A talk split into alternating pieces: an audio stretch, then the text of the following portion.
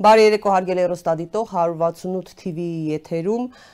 պրեսինգ հաղորդաշարի առաջին թողարկումն է եւ այսօր ես կզրուցեմ Հայաստանի Հանրապետության նախկին վարչապետ Հրանտ Բագրատյանի հետ։ Պարոն Բագրատյան, շատ շնորհակալ եմ մեր առաջին հաղորդմանը մասնակցելու համար։ Շնորհակալություն հրավիրելու համար։ Քանի որ մենք վաղուց չենք զրուցել այս ֆորմատում հերոստատեսային, ես ուզում եմ խոսենք հեղափոխության մասին։ Ի վերջո բավական ժամանակ է լրացել շուտով մի քանի ամսից կլրանա արդեն 2 տարին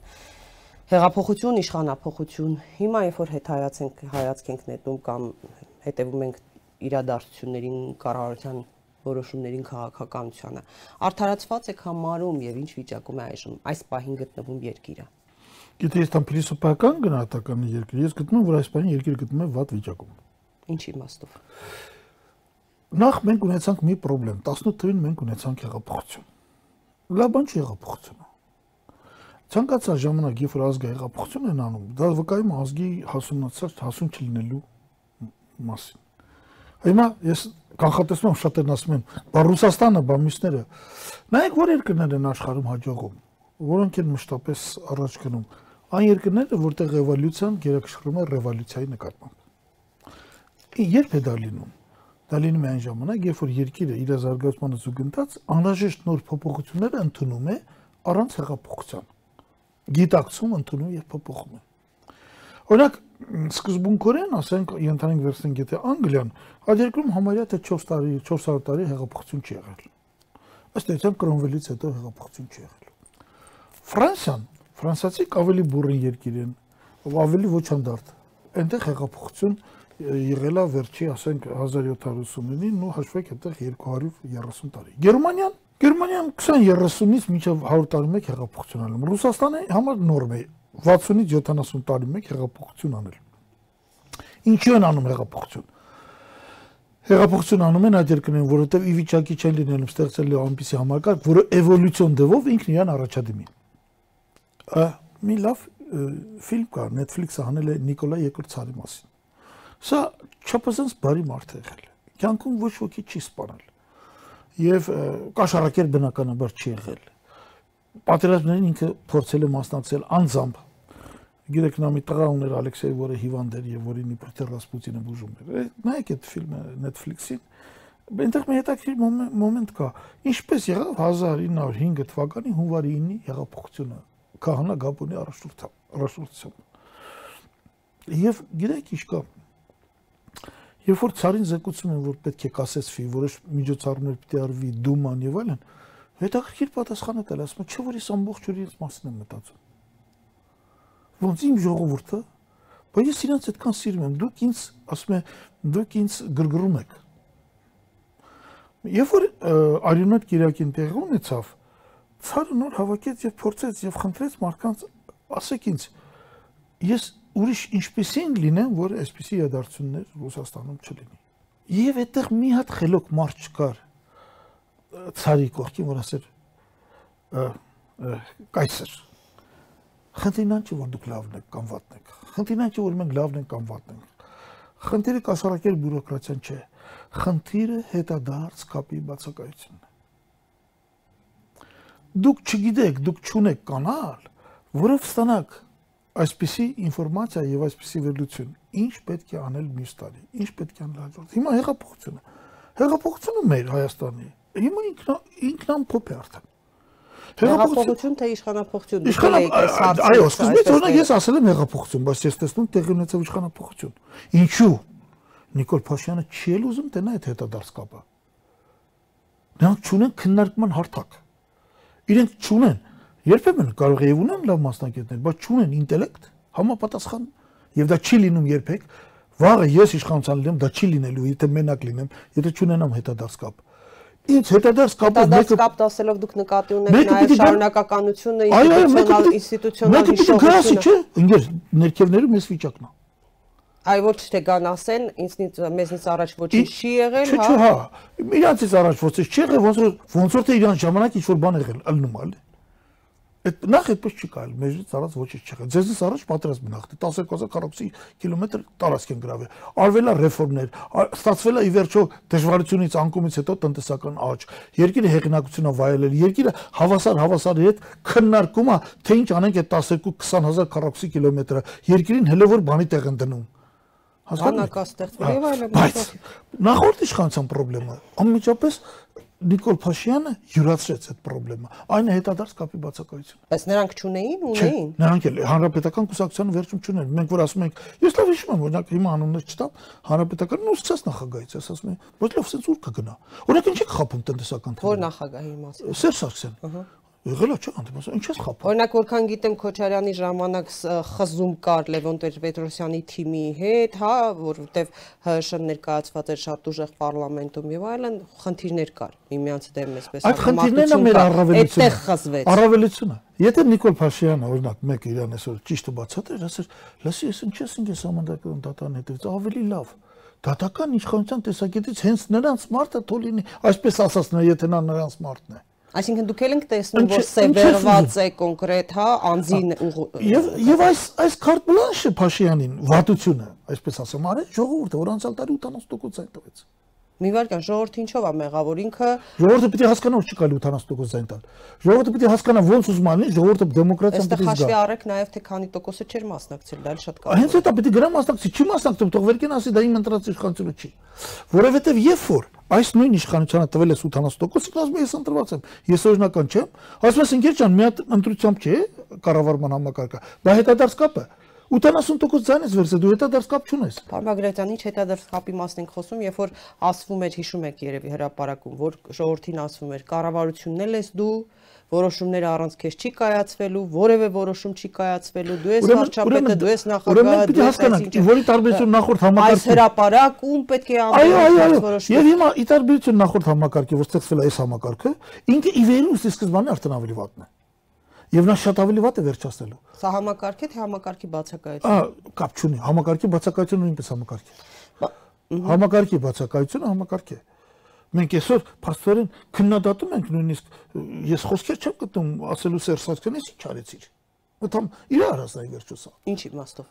Ոչ ոչ ոչ կարելի էր այսքան վատացնել ներքին այդ իրավիճակը, որ մենք ստանայինք հեղափոխության, այսպես կոչված հեղափոխության արդյունքում այսպեսի մի իշխանություն, որը չի ուզում որևէ հարց նստի քննարկի։ Ընդունում եմ, պարոն Բագրատյան։ Հիմա նույն դուք այդ գործիչներից եք եղել, Դուք այն գործիչներից եք եղել, որ մինչև հիմա, երբ որ ես նույն սոցիալական ցանցերում կարդում եմ ձեր գրառումները, ինչ որ մարդիկ ես տեսնում եմ ֆեյք օկտատերեր, կեղծ օկտատերեր գրում են՝ «Բա դուք, բա ձեր ժամանակ եւ այլն» շատ-շատերը ուղղորդված։ Այսինքն այն ժամանակ էլ է եղել, որ ասենք սևացվել են, հա, գործունեությունը, որը մեկի կեղծ մանիպուլատիվ լուրերը շրջանառվել եւ այլն։ Հիմա հետայից որ նայում ենք, չեք տեսնում, որ այնուամենայնիվ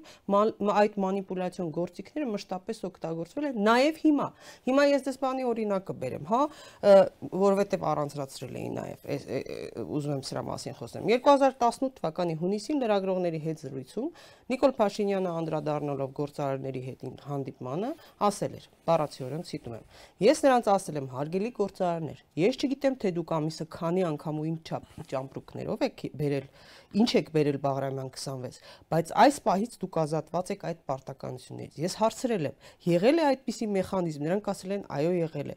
եւ այլն։ Եվ ասում է ճամպրուկներով բերել ուր են այդ ճամպրուկներով գուրմանները ուր են կոռուպցիոն ասում է կոռուպցիան վերացել է այլևս կոռուպցիա չկա ուր ուր են այդ գումարները հա պիտի տեսնեն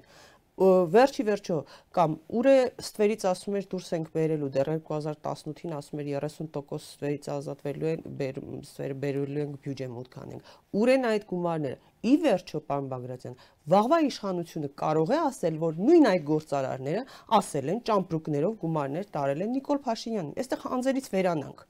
Սա մանիպուլյացիոն հնարք չի, ուր են այդ դեպքում։ Եթե այդ ճամպրուկները եղել են, եթե գործարարները ասել են, Դա գալիս է Նիկոլ Փաշյանի տեսակից, իր ինտելեկտից, իր կրթվածության մակարդակից։ Նախ երբեք վարչապետը չպետք է այդպես բան ասել հունիսին։ Կանչել եմ այսպեսի բան եմ ասել։ Ինչի մեր ժամանակ բերում փող էին տալիս։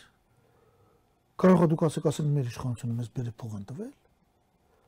Մի հատ սեփականաշորում ա եղել այդ իրավունքը կառավարությունից վերցեցին օրենքով տվեցին հանձնաժողովին, որտեղ բոլոր կուսակցությունները մսեցին, մեր կառավարությունը միայն կարող էր հաստատել կամ չհաստատել այդ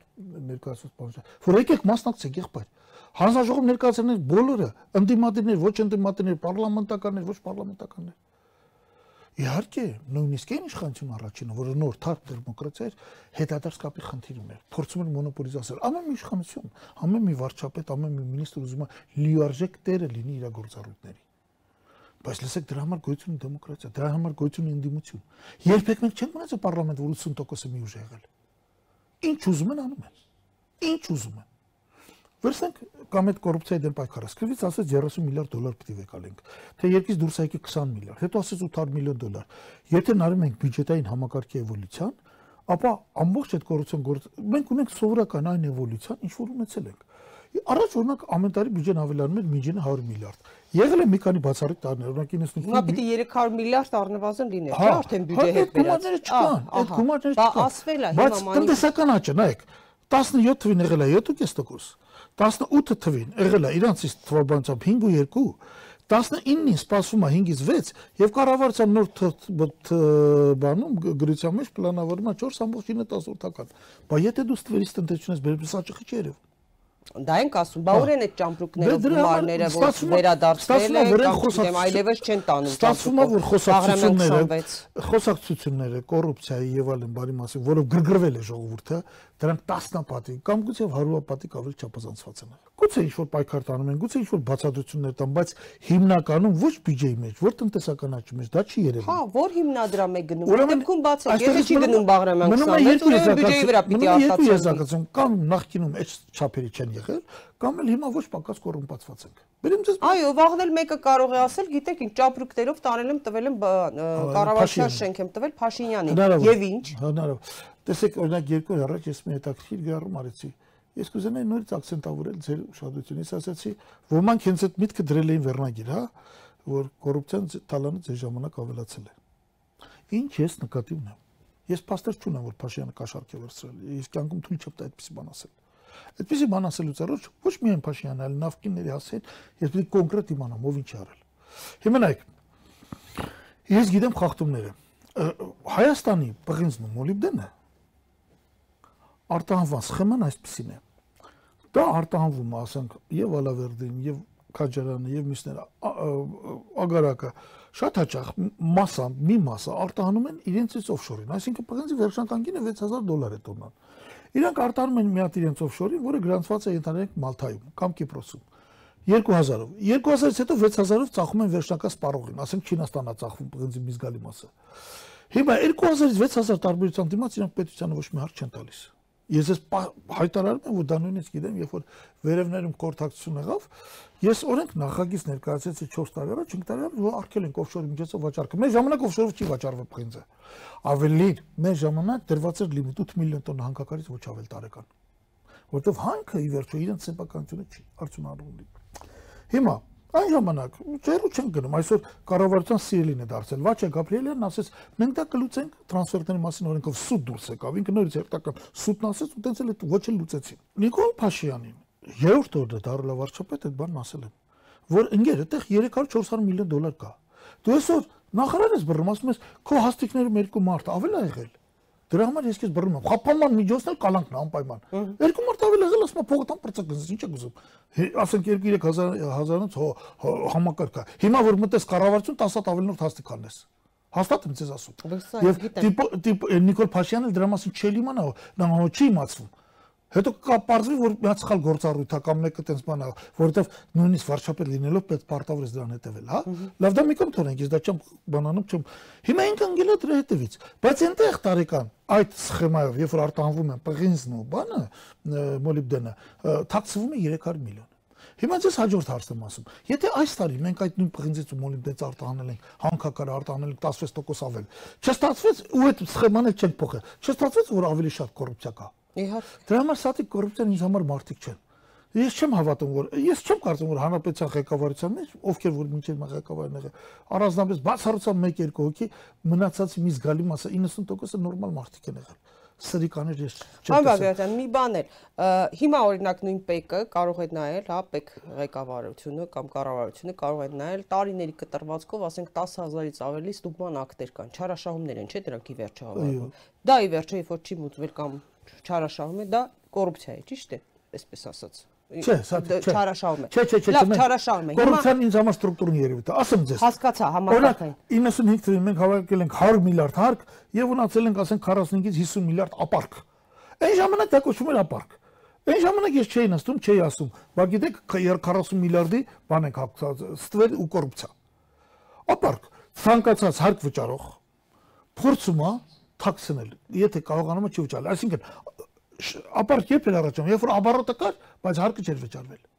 Չէ, հիմա ինչն եմ ուզում ասեմ։ Այսօր նույն ձևով ասենք թե կարող են հանել ինչ որ ակտեր, ստուգման ակտեր, տեսնեն չարահաշավները, բայց կախված կառավարության վերաբերմունքից այդ անձի նկատմամբ սա համարեն, ասենք թե սրա մասին ազդարարեն գովազդեն իլուր աշխարի, որ տեսեք ինչ ենք հայտնաբերել։ Օրինակ տարիներ տարիներ առաջ ես հիշում եմ առանձին գործարարների նույնիսկ ընկերությունների դեպքով, նույնիսկ բանկերի, ուղղակի հիմա չեմ հրապարակի դեռ հիշում եմ որ կային ստուգման ակտեր, որ նույնիսկ դատալեքսում կան տվյալները 300 միլիոնից ավելի գումարի մասին, իհարկե հետո նույնիսկ մեծ աղմուկ չբարձրացավ, տարան վճարեցին, ասենք թե 100 քանի միլիոն բարանարեցին։ Բայց այսպիսի աղմուկով որ գովազդվում է, այս ձերբակալեցին, կալանավորեցին եւ այլն, սա խնդրում եմ որպես մարդ նաև տնտեսագետ, մարդ մեծ ճանաչում ունեցող մարդ, որ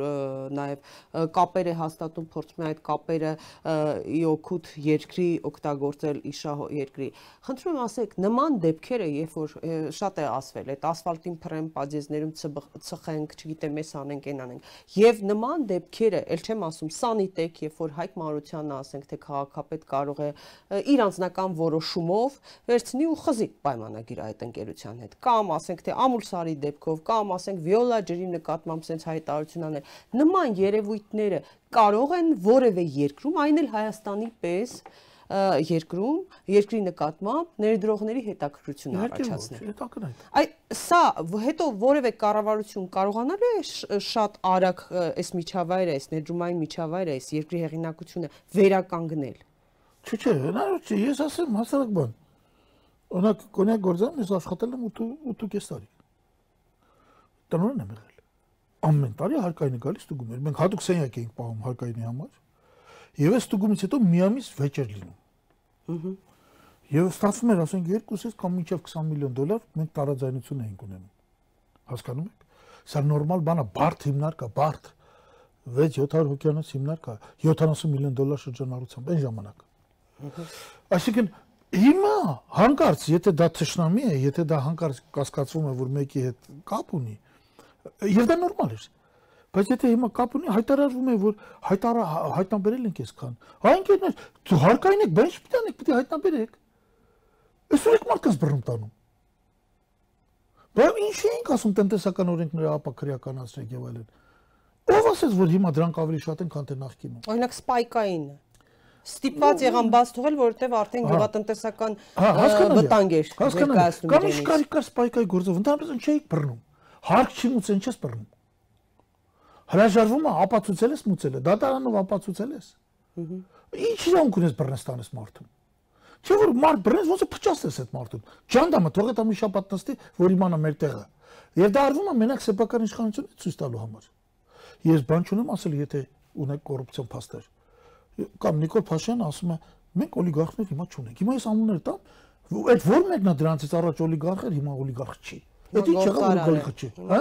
Հիմա գործարար է, հա? Այո։ Բոլորին հարգում եմ, բոլորին հարգում եմ ես բայց ասենք Խաչատուր Սուքյասյանը, Գագիկ Ծառուկյանը, Սամվել Ալեքսյանը, այդ ոնց է բան բան չեն հիմա։ Բոլորը ումս անունները ոչ չտվեցի մոռացան։ Այսինքն սա ինչ այս մոլուցքը պետքա կանգնի։ Եվ այս մոլուցկով օրինակ ես որ բերում եի այստեղ բաներ մարդուն, մարդուն, մարդուն վերջին հաշվով մինչև մամուլ տալը չի կարելի օրինակ մարդուն բռնել ասել որտեղ ես քեզ ես տունը։ Ընկեր ուզում ես այդ տուն ուրիշ տեղ կառուցվի։ Եթե տունը կառուցի իր երկրում։ Հարցրուկ անքին բանարը, բայց հələ չբռնած։ Հələ այդ մարդը չիմանում, այդ մարդը մամուլից է իմանում, որ վաղ իր հետևից գալու են։ Հասկանում եք։ Ես անընդունել եմ համար։ Սա անընդունը, սա վայրենի, Սա այսպես մի հատ բառ ասեմ, այս գեղցիական վերաբերմունքը ցույց տալը, սա անընդունելի բաներ են սրանք։ Անկեղծ եմ ձեզ ասում, որ այդ այդ համապատասխան գերատեսչությունները ցույց են տալիս։ Բա որ հայտարարությունները ահացն, ահացն հակահայտախուզական մարմին է։ Սա է միանակ բռնում այդ մարդկանց տնտեսական ուղղությունը դարել ԱԱՑ-ն։ Բայց ԱԱՑ-ին այդ գործառույթները տվեց հենց կառավարությունը Նիկոլ Փաշինյանը, հա, ասում էր բանը հաշվի դրամարկային կտրոններ գազալցակայիններում գնացեք։ Պարոնայք սպաներ, դուք հակահետախուզության համար եք։ Ամբողջ հանրապետությունը լծված է ադրբեջանական ու թուրքական լրտեսներով դրանց բռնեք։ Այդ հարկային գործերը ձեր գործեր չեն, ՊԿԿ թողանի։ Պեկին էլ պիտի կոչանեի ել ավելի ինտենսիվացու ջանքերը թաքցրած եկամուտները կամ գողացած եկամուտները բայտամբերել վերադարձնելու, բայց արեք այդ բոլորը սուսուբուս ընկերներ։ Որովհետև շատ հաճախ, շատ հաճախ ես նորից կոնե գործանյութը բերեմ։ Սա օբյեկտիվ է, մեծ խոշոր հիմնար կա։ Մենք վիճում էինք ու չենք կարող հասկանանք, այնքան բաներ ենք գտնում, այդ վեճերի հիման վրա քանի անգամ նույնիսկ օրենսդրությունն է փոխվել։ Որ այսպեսի նրբություններ են լինում որ իշխանությունները ասում են ուսուցիչների աշխատավարձերը իհարկե դա վերաբերվում է 10-15000 ուսուցիչների ինչպես արժանավատ եք սա համարում ուսուցիչների մասով չի ամբողջ համույթին չի վերաբերվում դա ըհը չի վերաբերում 10% կբարձրացնեն ասենք թոշակները հունվարից ասել են կբարձրացնենք բայց այդ 10%-ի չափով արդեն գնաց եղել է Մենք միայն փոխհատուցում ենք, որ այդ մարդիկ տուժել են գնա։ Գնաճ անդադ կա, քիչ շատ։ Եվ ընդհակառակ ես նույնիսկ բողոքում եմ գնաճը շատ եք փորձում ազդել։ Արա փորձեք աշխատավարձ բարձրացնել, ոչ թե հատկապես ճնշել գնաճը, երբ որ գնաճը շատ է ճնշում, տնտեսական աճն է իջնում։ Բայց ամեն դեպքում քարոշչա մեքենան աշխատում է աշխատավարձերը բարձրացնում, այս են կանում, դժոխներ են բարձրացնում եւ այլն եւ այլն։ Վերցնենք այս տարվա 8 ամիսը։ Պարոն Բագրատյան, ես Մենք ունենք 2%, 2% գնաճ Մենք ունենք 6% միջին աշխատավարձի աճ։ Ստացվեց, որ 4% ավելի լավ ենք ապրել, չէ՞։ Բայց այդ 4%-ի մեջ Սաթիկ ջան մտնում է նաև կൂട്ടակայինը, որը եկամուտ են հաշվում։ Եթե եթե ես 4-ով մոտենամ խնդրին,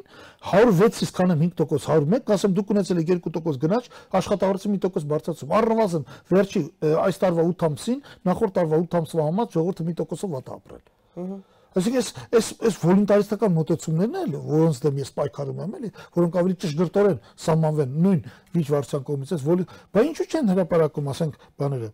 աղքատության թվերը։ Ահա։ Իրական թվեր, այո։ Թվերը հրապարակեք, կեղծեք եղբայր։ Լավ թիվ չեք ստանում, կեղծեք, շատ եք կեղծեք։ Դա կեղծեք, կեղծեք, մեկ էլ այդտեղ կեղծեք, կեղծի վրա խո։ Բայց ինչ անենք։ Բայց ընդհանրապես հիմա ոնց որ ասած առամարում են։ Բանի, միգրացիայի թվերը ինչի՞ չգրապրակ։ Երկու տարի է ինչ Նիկոլ Փաշյան եկել իշխանության, այդ թվերը չեն հրապարակվում։ Տեսակ, երբ որ green card-ի թվերը հրապարակվեցին, որ շատակացել են, իհարկե ասեցին, որ դրանով պետք չի արտագաղթի մասին բան կազմել։ Այնքան է լեզվանի են, մի բան ասում ես դրանով պետք չի, մի հատ դատարկ բանկը կտենք սկսեն հակաճառել։ Եղբայր, տնտեսությունը գնացեք հազարատ մարդ բերեք առաջիկա 5-10 տարում քանի մենք կենտանի ենք որոնք սկսել ենք 70-ական 90-ականներից մեզնից թույլ եք լինելու միևնույնն է, որովհետեւ թեկուս կյանքի փորձը վերցրեք։ Ու երբ որ ձեզ մի բան ասվում, զորբայություն մի արեք, մի փորձեք այդ ֆեյքերի եւ անմիջապես մի հատ հրահանգա գնում։ Ես նույնիսկ գիտեմ մարդ, որը կոորդինացնում է 20 ֆեյքի, մարդ, որը կոորդինացնում է 25 ֆեյքի։ Այդ ֆեյքերով սկսում եք հարցակվել։ Այս ժողովուրդը, այս ժողովուրդը թմբիրից մենք անելու ենք։ Միգուցե աշխատատեղեր ասելով դա նկատի ունեն։ Facebook-ում Երևի գիտեն։ Չէ, բայց ֆեյքերին գիտեն։ Այո, գիտեք։ Պարոն Բագրատյան, հրապարակվել է 20 թվականի բյուջեի նախագիծը, որի բաղադրիչներին ծախսերին եկամուտներին դեռ կանդրադառնանք, բայց այդ բյուջեի հիմքում կառավարությունն այն տեսլականն է դրել, որ գալիք տարում համաշխարհային տնտեսական զարգացումները դրական միտումներ են ունենալու եւ Հայաստանի տնտեսական իրավիճակի վրա բնականաբար ըստ իրենց նույնպես դրական ազդեցություն են ունենալու։ Սակայն սա այն պարագայում, երբ առաջադեմ մի շարք փորձագետներ, տնտեսագետներ նոր տնտեսական նոր ճգնաժամի կանխատեսումներ են արել իրենց հրապարակումներում, օրինակ Միացյալ Նահանգների ֆոնդային բորսայում տարբեր ժամկետայնության արժեթղթերի եկամտաբերության տատանումները եւ շոկերը, հա։ Ըստ ձեր գնահատականների, արդյոք չափազանցված չեն, չափազանց լավատեսական չեն կառավարության այս սպասումները եւ ինչի կբերի։ Այսպես եթե սպասումները ձգում են ոչ իրական բաների վրա հիմնված, հա, փաստերի վրա, արձանագրումների վրա։ 2020 թվականի սպասումները շատ փխրում հողի վրա են։ Արժույթի միջազգային հիմնադրամը համարում է որ տնտեսությունը կաճի 3.5%։ Հիմնական շարժիչներն են Հնդկաստանն ու Չինաստանը Սակայն կա մի հատ բայց։ ինչպես կավարտվի ամերիկա-չինական առևտրային պատերազմը։ Ընդամենը 3 չեմ այսօր Տրամպը վերջապես մի լավ լուր հայտարարեց, 3 արդեն այսօր արդեն հակառակն ասվեց։ Ի վերջո եթե նույնիսկ արդարն է աշխարհի 3.5% աճի, մերոնք պլանավորում են 4.9-ը։ 1.4-ով ավել։ Մենք աշխարհից 3 անգամ ցածր ենք։ Պատկերացեք, մենք դու գրպանում ունես 100 դոլար։ Նա աշխարհի միջին քաղաքացին գրպանում ունի 300 դոլար։ Իսկ նա ով որ ապրում է զարգացած երկրում գրպանում ունի 1000 դոլար։ Հիմա Քեզ ասում եմ, որ մենք 4.9% կաչենք, իրանք 3.5, այդ 300 դոլար ունեցողն 1.4%, այսինքն քո փողը կդառնա 101.4։ Ենթանեք նրանց զորյա մնում։ Այն մյուս տարի կդառնա 102.8։ Քանի տարում դու աշխարհի միջինին կհասնես հիմա 200-ը ամեն տարի 1.4։ Եթե 200-ը բաժանենք 1.4-ի, ապա մենք ստացվում որ 80 տարի հետո ոչ թե զարգացած երկրներին կհասնենք, 80, այսինքն Նիկոլ Փաշյանը պիտի 140 տարվա կյանք ունենա, որ 80 տարի հետո աշխարհի միջինին մենք հասնենք։ Սա իհարկե անընդունելի բաներ են։ Եվ եւ դա խախոտ բազա է։ Երկրորդը իրանք ինչ են արել, ասենք Հայաստանի տնտեսական աճը բացահայտորեն ունենք մենք նույնիսկ աշխարհի միջինը կարող է ունենք մենք ունենք տոքսիկ ճյուղեր տոքսիկ ճյուղեր են այսօր Հայաստանի տնտեսությունը թունավորում են խաղերը եւ ավտոմեքենաների ներմուծումը ինչու են տոքսիկ դրանք միշտ տարի կամ այն միշտ տարի չեն լինելու դրանք այ դա է ուզում ավելացված արժեք հիմա իրանք հուբ են տվել օրինակ լավ էր որ Վրաստանում թող մեր վրացի ինժեներին ցան շրականան այդ բունտը որ եղավ հունիսին սխալ բունտ էր Ռուսաստանը փակեց դեպի Վրաստան տուրիստերի, բայց Վրաստան գնացողներ կային եւ եկան Հայաստանով գնացին։ Այդտեղ մենք շահեցինք։ Այ հիմա ԵԱՏՄ միասնական կարգավորումներն են լինելու շուտով մի քանի ամսից, այդ բումը անցնելու է։ Եթե եկամուտները բյուջեի դրանով են ապահովում։ Վրաստանը Ռուսաստանը լեզու է գտնելու։ Հիմա մենք ավելացված արժեք չենք տեսնում, հիմնարար բան չենք տեսնում։ Իսկ ինչ վերաբերում է խաղերին, որտեղ մենք 25% աճ ունենք 8 ամսվա տվյալներով, ես նույնիսկ չգիտեմ այդ խաղերը այդքան աճել են որ։ Անցյալ տարի 40% էին աճել։ Այդ վիվարուներն են, աճարապետները եւ այլ եւ այլն։ Երևի այնտեղ չի հերիքում, երևի ասենք Փաշյանը, երևի նա գրեթե վստահ որպես օգնական, ակամիկը զանգում են Ստեփան Մնացականն, ասում են 7%-ը ոնց ուզում է ստացի։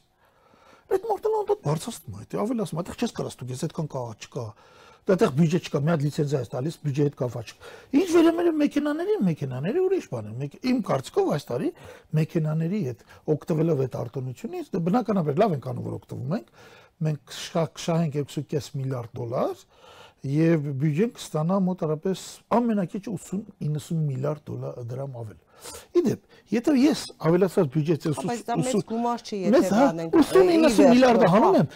իրական բյուջեի աճը, չնայած ես դրական եմ արտահայտվել ՊԵԿ-ի աշխատանքի մասին ընդհանուր առմամբ, իրական բյուջետային աճը երևի այս տարի իրանց մոտ այս բանը հանելով էլի մեքենաներ մի 70 միլիարդի կարգի բան է 60-70 մոտ 140 միլիոն դոլարի մասին է խոսքը հա այսինքն այդ հա հա հա բայց դա պետք է լիներ գնաճ կա բան կա տնտեսական աճ կա այսինքն կրկնում եմ նորից այդտեղ մենք տեսել ենք առաջընթաց ես չի ասի շատ փոքրիկ բավականին հետաքրքիր առաջընթաց բայց ինչ որ բումի պատկեր չկա այնպես որ իմ հստակ կարծիքն է այդ աճերի վերաբերյալ որ դրանից պետք է զգուշանալ մենք ինձ չի հետաքրում 4.9%-ը, 4-ը թե 14%-ը, ինձ հետաքրում է որ ոլորտներում է աճ։ Այդ ոլորտների այդ աճը մի տարի է լինելու թե շարունակական է լինելու։ Պարոն Բագրատյան, մի բան էլ էլի հիշեք, այդ դեպքում ես չեմ հասկանում, եթե իրենք շատ լավ գիտեն, որ շուտով հա 20 թվականից ուժի մեջ է մտնելու ԵԱՏՄ միասնական կարգավորումները, այդ բումը անցնելու է մեքենաների, ավտոմեքենաների, կներեք, այդ դեպքում կառավարության էս որոշումը, որ մաքսատունը տեղափոխում են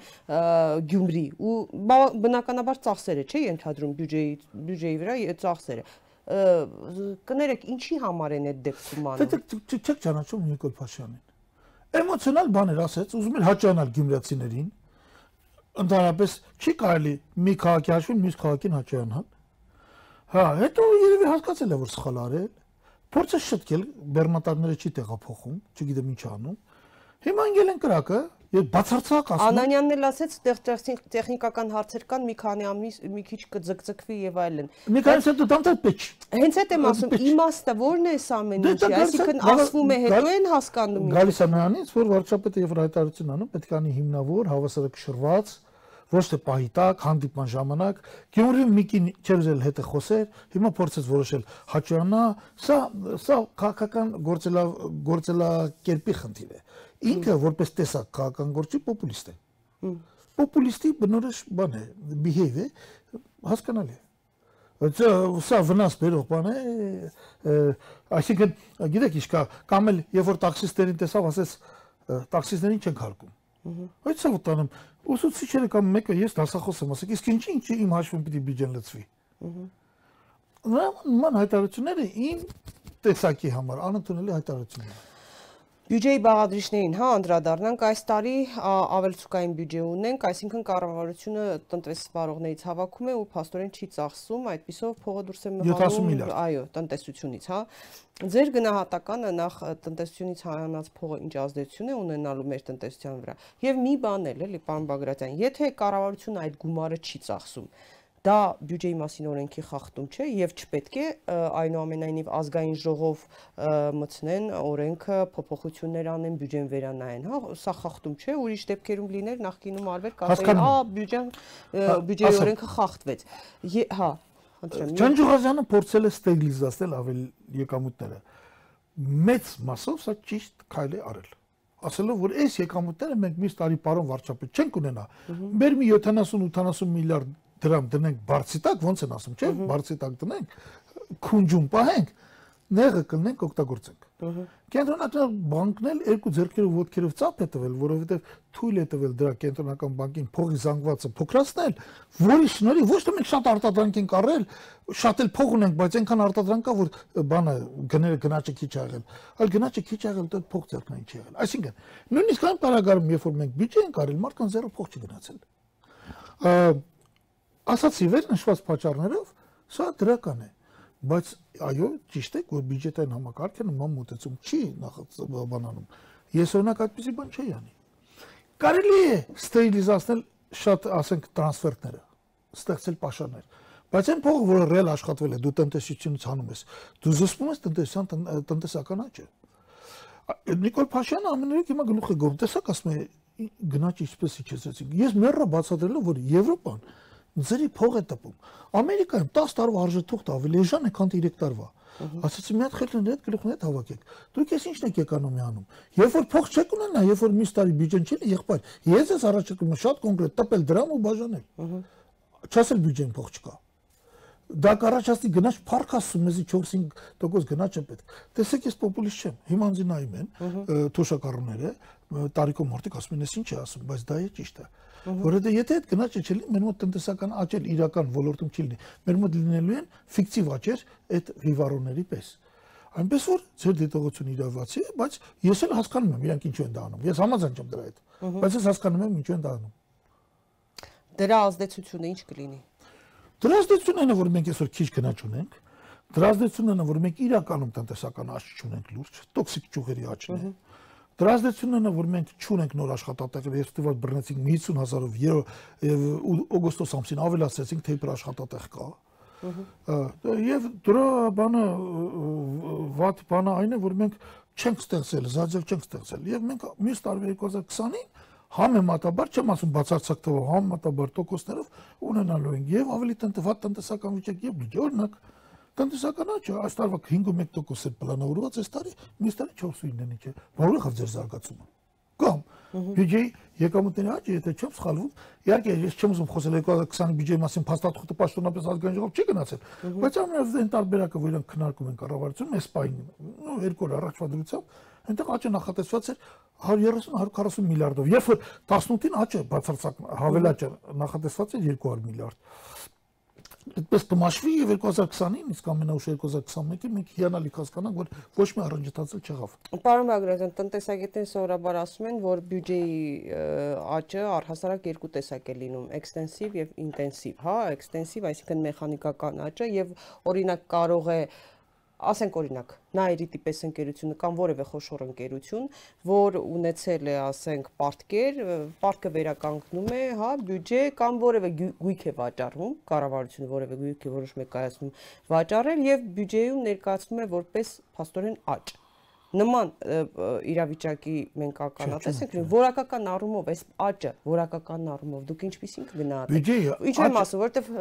Նիկոլ Փաշինյանը ասենք երամսյակը մեկ ինչ որ 100 ձեռքբերումներ է ներկայացնում ու ամեն ինչը նույնիսկ այն որ վարչությունների մակարդակի հա գերատեսչությունների վարչավորությունների մակարդակի ինչ որ կարգավորումներ են լինում, դա ներկայացում է ձեռքբերում։ Թող զավեշտալի է, որքան էլ զավեշտալի է, օրինակ այս վերջին ձեռքբերումների մեջներ ձեռքբերումների շարքում նշված էր այն, որ տարական դասարանցիների պայուսակների քաշը թեթևացել է։ Ասենք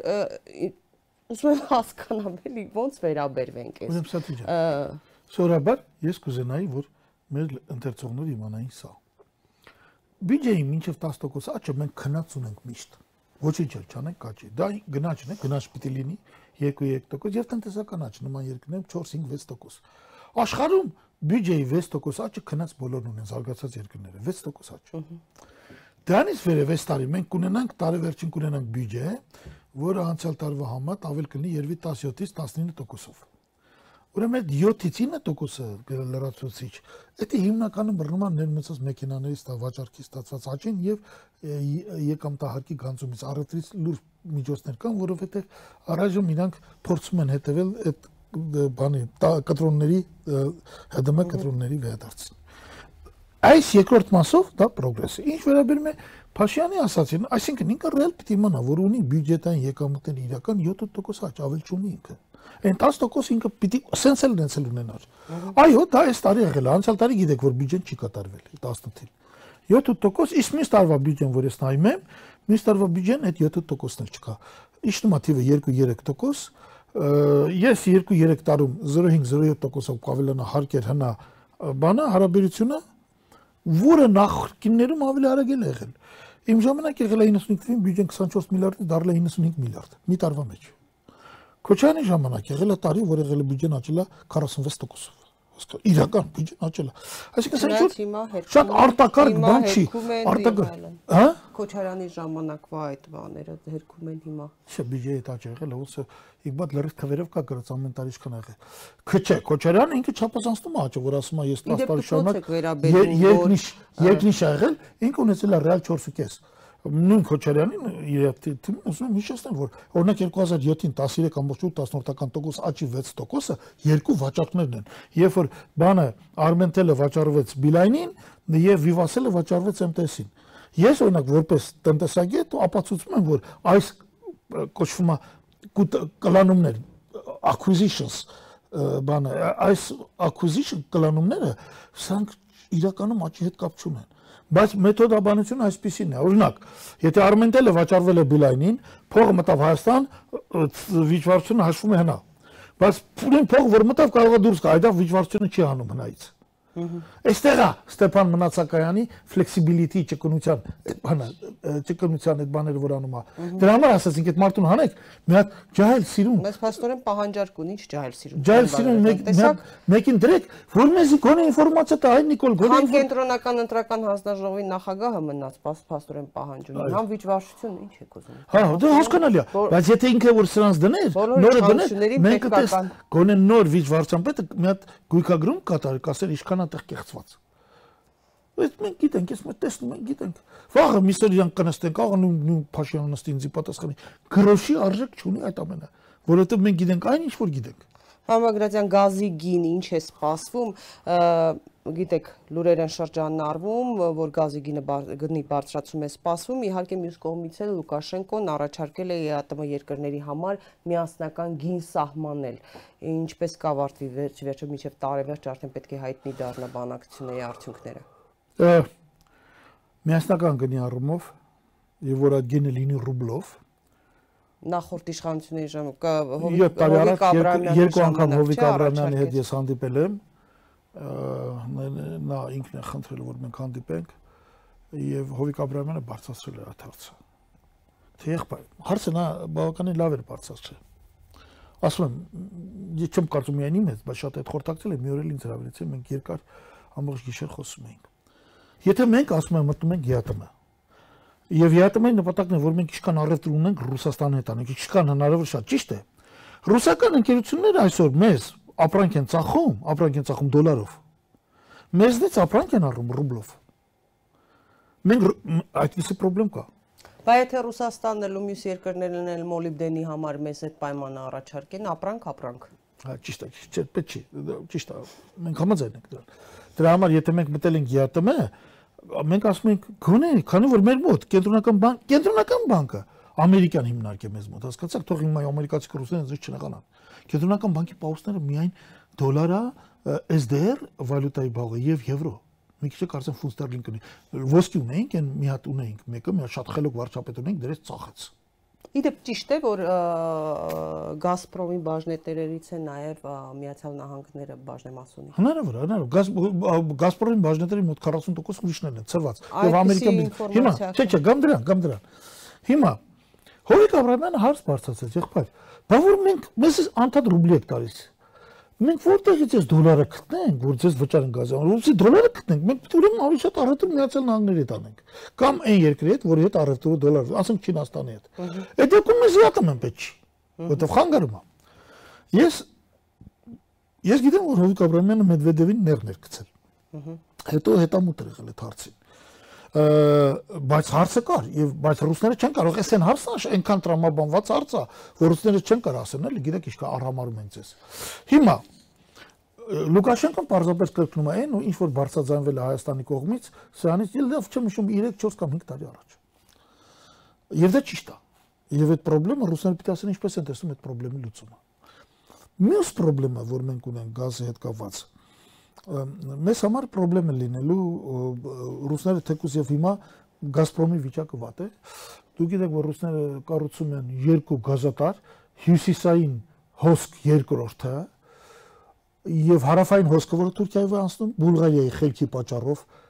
գազատարը կանցնի Թուրքիա եւ հիմա Թուրքիայով անցնում է երկու գազատար, մի նավթատար։ Թուրքիան դարձել խաչմերուկ, գազամուղների, նավթամուղների, շատ է ուժեղացել Էրդողան։ Դրա համար է իրանց սպահում Սիրիայում։ Եվ եթե տեսնում եք Սիրիայում նույնիսկ ռուսները չեն բացասական արձագանքում, որովհետև հարավային պատոկը կանգնացնի։ Արդեն կախված են նրանից, հասկանում եք։ Այս պայմաններում ռուսները դադարեցնել են գազի տրանզիտը Ուկրաինայով ռուսները ստիպված են արդեն հիմա կաչած են անում լցնում են գազապաստաններ որովհետեւ մինչև հունվարի 1-ը հյուսային պատոկ 2-ը չեն հասցնում եւ չեն ուզում օգտագործել ուկրաինական գազատրանսպորտային համակարգը այլևս հունվարի 1-ից սկսած չեն ուզում նոր պայմանագիր կնքել հին պայմանագիր մինչև դեկտեմբերի 30-ն է եւ իհարկե մեզ վրա նագրուսկա կլինի Գազպրոմը ստիպված է ամեն մի կոպեկ հաշվել եւ այդ թվում նաեւ Հայաստանն ասել թանկ վճարի Այսինքն դուք դուք եք կանխատեսում, որ այնուամենայնիվ կթանկանա։ Դե գիտեք ինչ, եթե բիզնես լինի, եթե ես Գազպրոմի աշխատող լինեի, ես պիտի հիմնարկի այդ վիճակից անա հոչեի թողի, ճիտ չէի թողի որ Գազպրոմը բանկրոտ լինի։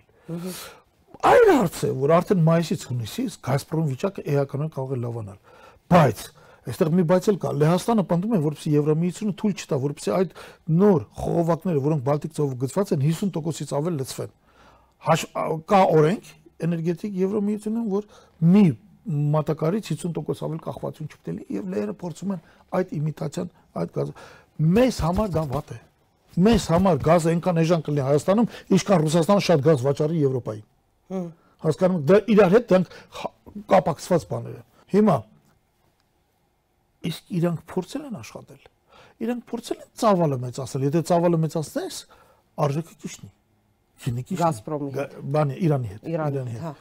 Եվ եթե ես անցյալ տարի կարող եմ հասկանալ, բայց այս տարի ընդամենը 3 ամսում կարելի է մի հատ էլ գազ այն կողմից տրուբան բավականին լայն է իրանական կողմից։ Այս մեր հատվածում մի հատ էլ կառուցեի։ Եթե չի երիկում, որովհետև գիտեք, իսկ մասշտաբի էֆեկտ կա, եւ մի քիչ շատ էս առում գինիշնում է, գնում եք, չէ՞ խանութ ասենք 3 կիլո խնձորին մի գին են ուզում, 2 կիլոին 1, 1 կիլոին 1, կոպիտ է մի քիչ ասում։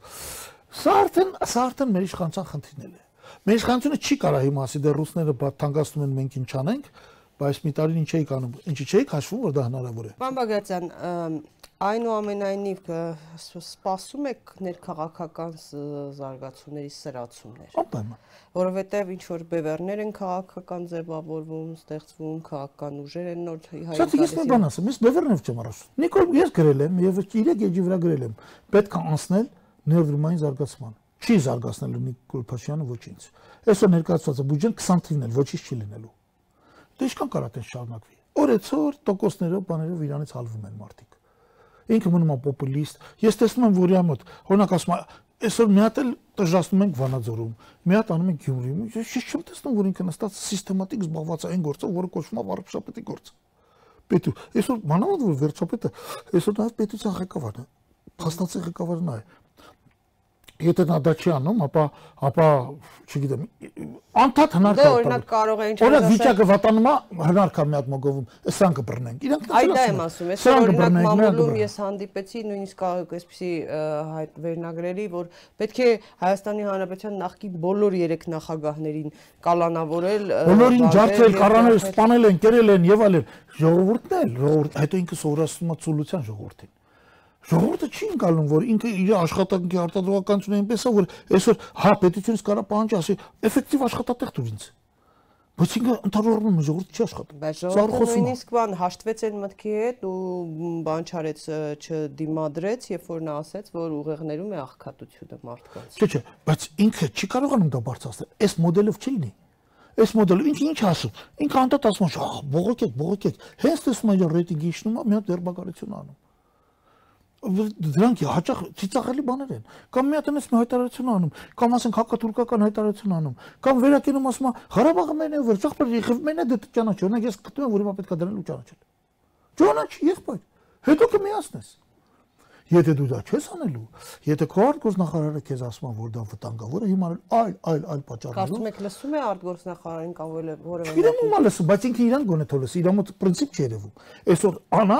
մյուսերը դրա հակառակն է ասում նա այս ձևի կառավարման երկիր հերո չի գնա։ Կարող է պատահի ինքը իշխանությունը չզիջի, բայց այդ դեպքում Հայաստան չպետք լինի։ Արտաքին բերում վիճակը նրա, որ կամ ինքը կամ Հայաստանը պետք է անցնել նորմալ կառավարման։ Եվ ես ես օրինակ խորտ կտա իրան արտահայտ խորհրդանական ընտրությունները այդ խորհրդանը չի արտահայտում հասարակական միտքը օրինակ այդ խորհրդանը չի արտահայտում հայաստանում հասունացած տնտեսագիտական միտքը չկա այդտեղ միտք Ձեր ընդունած 1500 օրենքից 1200 տնտեսագիտական են։ Ո՞վ է ձեր էքսպերտը։ Ուր է գնում։ Գիծը ո՞րն անգեր։ Չունեն իրանք։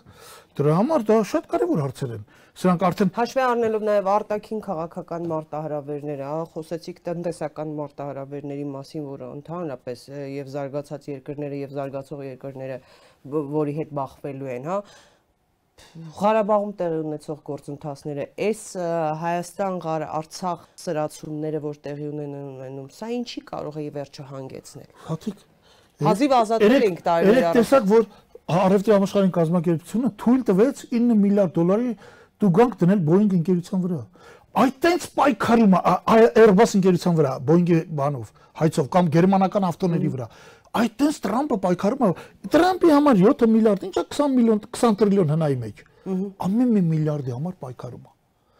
Ինքը տնտեսական տարածքում ուզում է մի տոկոս ավելի լինի, 5%։ Ես դա չեմ տեսնում։ Այս ամենը կտանի, կարող է տանել արդեն ոչ միայն որ մենք Ղարաբաղ կորցնենք, մենք կարող ենք Հայաստանն էլ կորցնել։ Իմ խորին համոզմամբ այսօր Հայաստանը Հայաստանը Հայաստանը բավականաչափ պրոֆեսիոնալիզմով չի ղեկավարվում այդ հնարավորությունը կա Հայաստանում երբեք այսպեսի բարձր ինտելեկտ չեղավ որ հիմա կա դա մոբիլիզացիա լիս աշխատանք չեմ ուզում նորից մտալ ինձ ոչ մի աշխատանք չի հետաքրքրում ինքը պետք է օգտագործի սա Իդեպ շատերն են հրաժարվում։ Հիմա ասում են նույնիսկ եթե ինչ-որ բան առաջարկեին, չէին համաձայնվի։ Այս ձևի կառավարումը, այս մակարդակի կառավարումը ոչ մի լավ բանի չի կարող բերել։ Գիտեք ինչ կա, վերջին հաշվով ամեն անգամ այս կոտորումին հելում ենք ասում ենք հակառակորդը մեղավոր։ Մի անգամ խոստովանելու ենք, որ մենք ենք մեղավոր ամեն անգամ կանգնում ենք դժբախտության առաջ։ Նախ եւ առաջ մեր ցանկացած հարցում, որ եղել է մեր ազգի գլխին պատմության մեջ, դա մենք ենք մեղավոր նախ եւ առաջ։ Երկրորդը նոր ճշնամին։ Հիմա մենք այսօր պիտի աճեինք, ռեալ տնտեսությունը պիտի աճեր։ Ռազմական արտադրությունը մենք թողել ենք անդադ խոսում են թալամանան 5-ած գործարանա թողվել, նորից զրոյից կառուցած։ PV-ը ստեղծել ոչ մեկ այսօր չի աշխատում։ Այդ խոսքը այն գործարանները, որոնք կառուցվել են 90-ականների 95-94 թվին։ 95 թվին։ Հասկանում եք, եւ դրանք կատակ բաներ չեն։ Ես սա գուցե եւ չպետք է ասեմ հիմա ադրբեջանցի կտմկար են, բայց արդեն ստիպված եմ ասել հա։ Ստիպված եմ այն ժողովրդին ռևոլյուցիա արել։ Ասել որ ռևոլյուցիա անելուց առաջ մի քիչ մտածեք էլի հետո արեք։ Այդպես չի լինում էլի, որ ասում է, էսի խիարա աղնառում վազում են։ Մտածեք ինչ է կանում։ Մտածեք այդ մարդն ինչ ասում, ինչ կարող անի։ Մտածեք իր նախորդն ինչ ա եղել։ Իր ասած ժամանակ դուք ինչ կորուստ եք ունեցել դե ձեռք բերում։ Մտածեք այս ամեն ինչի մասին։ Նոր էլ եք վազեք։ Վիտալի Բալասանյանի այդ կոշտ հայտարարությունները որոշ շրջանակներում քննարկում էին, որ որոշակի ինֆորմացիա կա, թե որոշ ահաբեկչական ուժեր են ներթափանցել Հայաստան դրանով է պայմանավորված, որ Բալասանյանը զգուշացնում է այսպես ասած իշխանությունների վտանգի մասին հավանական համարում եք։ Վիտալի Բալասյանին ես թույլ եմ տալիս ինձ համարելու, որ իմ լավ ընկերներից է Ես պիտի ասեի, որ ոչ Հայաստանից, ոչ էլ Ղարաբաղից հնչող նման հայտարարությունները ոչ մի լավ բանի չեն բերելու։ Ոչ էլ այն երիտասարդը, որը Գյումրիում Ղարաբաղի նախագահին դիմեց մարզպետ։ Նրան ամիջապես պետք է կալանքի։ Դիտավորություն եք համարում թե պատահական։ Անպայման դիտավորություն։ Իրա կողմից դիտավորություն, իրան պետք է պատժել։ Բայց գալով Վիտալի Բալասյանին, որտեղ պատասխանատվությունը ավելի մեծ պետք է լինի, պետք չի նման հայտարարություններ անել։ Եթե կան թափանցած ուժեր, ես էլ եմ կարծում, որ ամբողջ լրտեսական բանը պատերազմից առաջ թուրքական ու ադրբեջանական ցանցը այստեղ լցվել է Հայաստան, ապա պետք է այդ հարցում գնալ եւ օգնել կառավարությանը հաղթարել ես չեմ կարծում, որ այդ նման հայտարարությունները, ես եմ Սասունի հայտարարությունը, բացարձակապես սխալ, հասկանում եք։ Միքայելյան Սասունի նկատի ունենք, հա, որ հեղափոխությունը ավելի բարձր։ Մի բան վերջ ենք տվել, ես բոլորին կոչ եմ անում, չստացվին ինձ, որ ես ձեր վրա միավորներ եմ հավաքում, խնդրում եմ ձեզ, այս հիմա բոլորդ մտածեք ինչպես եք ամրացնում, միասնականացնում Հայաստանը եւ Լեռնային Ղարաբաղը։ Հնարավոր համարում եք ռազմական գործողությունների վերսկսում Արցախում։ Անպայման։ Միայն Արցախում չէ։ Այս պատերազմը 70 չեմ ասում 100% ես մարգարե չեմ 70% հավանականություն կա որ ձեր կտա Հայաստանին եւ նույնիսկ Երևանը դա կզգա ուզում եմ ամփոփեմ բայց դուք ինքներդ տարբեր առիթներով բայց ասեմ մի լավ բան ասեմ վատով ծոր հաղթելու եք Չեմ ուզում դատում, բայց ես հիշում եմ դուք այնուամենայնիվ իդեպ նախկին իշխանությունների ժամանակ էլ չնայած պաշտոն չզբաղեցնելով ամեն դեպքում երբ որ երկիրը խնդիր է ունեցել դուք արձագանքել եք մատուցել եք մամուլում լուծումներ եք առաջարկել, հա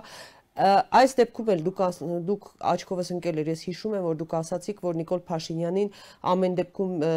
գրավոր թե բանավոր տեսքով ասում եք ինչպես վարվել խորհուրդներ եք տալիս օգտվում են այդ խորհուրդներից այսօրվա իշխանությունները Չգիտեմ հնարավոր է ինձ թվում է թե չէ բայց երբեմն ասենք օրինակ նախկին իշխանությունները օրոքել հիմա էլ բաներ կա որ երբ որ այդպես չէ որ ես ենթանեն գրում եմ ասենք ենթանք Facebook-ում մի բան եմ գրում ասենք որոշ միամիտներ կան ֆեյքեր սկսում են գնալ դրանից ինչ որ բան այնուամենայնիվ չգիտես ինչ ինձ թվում է փոխվում է Օրինակ ես վստահ եմ, որ երեք օրինակ շատ մարդկային վարվեց Տիգրան Խաչատրյանը, որ փորձեց ինձ պատասխանել։ Իհարկե սխալ պատասխանեց ինքը։ Հա, ես հիշում եմ, պատասխանատեղեցիք այո։ Հա, պատասխանատեղ չի, բայց լավ է, դա իրան միայն պատիվ է բերում, ինքը փորձեց հասկանալ։ Այսինքն որովհետև Տիգրան Խաչատրյանը 5 կադր է։ Դե հա, հիմա հինը հա, հա, բայց բայց ես չեմ բացառում, որ իրան վարչապետը զանգացրել ասա, դա չի կատարվում։ Օրինակ ինչպես կարող է տնտեսություն 7% աճի, բեռնափոխադրումները երկու անգամ պակասեն։ Ասենք ենթանենք սկսենք ակցիոնավետ գործել, ավելնով բեռնափոխադրում չկա, երկու անգամ մի տարվա մեջ հասկանում եք այսինքն դուք տեսնում եք օրինակ դուք պետք է որ նկատած դառնայիք որտեղ բեռնատարներ պետք է երկու անգամ քիչ տեսածել լեիք այս մի տարվա մեջ հա ես կարծում եմ որ դա ստիպում է եւ եւ կարծում եմ միայն Տիգրան Խաչատրյանը չէր այնուամենայնիվ ստիպում է մտածել իհարկե չեմ բացառում որ վաղը վիճվարության պետը ինչ-որ մի հատ հեքիաթով մոգոնած հանդես գա դերասանակ դերասանա բարի բուն իմաստով դա դա կինոյի թատրոնի պետքա ռեկտոր տանել այդ թատրոնի թատրոնական ֆակուլտետի վերջացնել այդ բայց տեսնում եք բոլոր իշխանությունների օրոք պահանջարկ ունեն շնորհակալ եմ պարոն Բագրատյան հետաքրքիր զրույցի համար հարգելի ռոստադիտող 168 TV եթերում պրեսինգ հաղորդաշարի առաջին թողարկումն էր զրուցում էի Հայաստանի Հանրապետության նախկին վարչապետ Հրանտ Բագրատյանի հետ Մինչ հանդիպում Thank you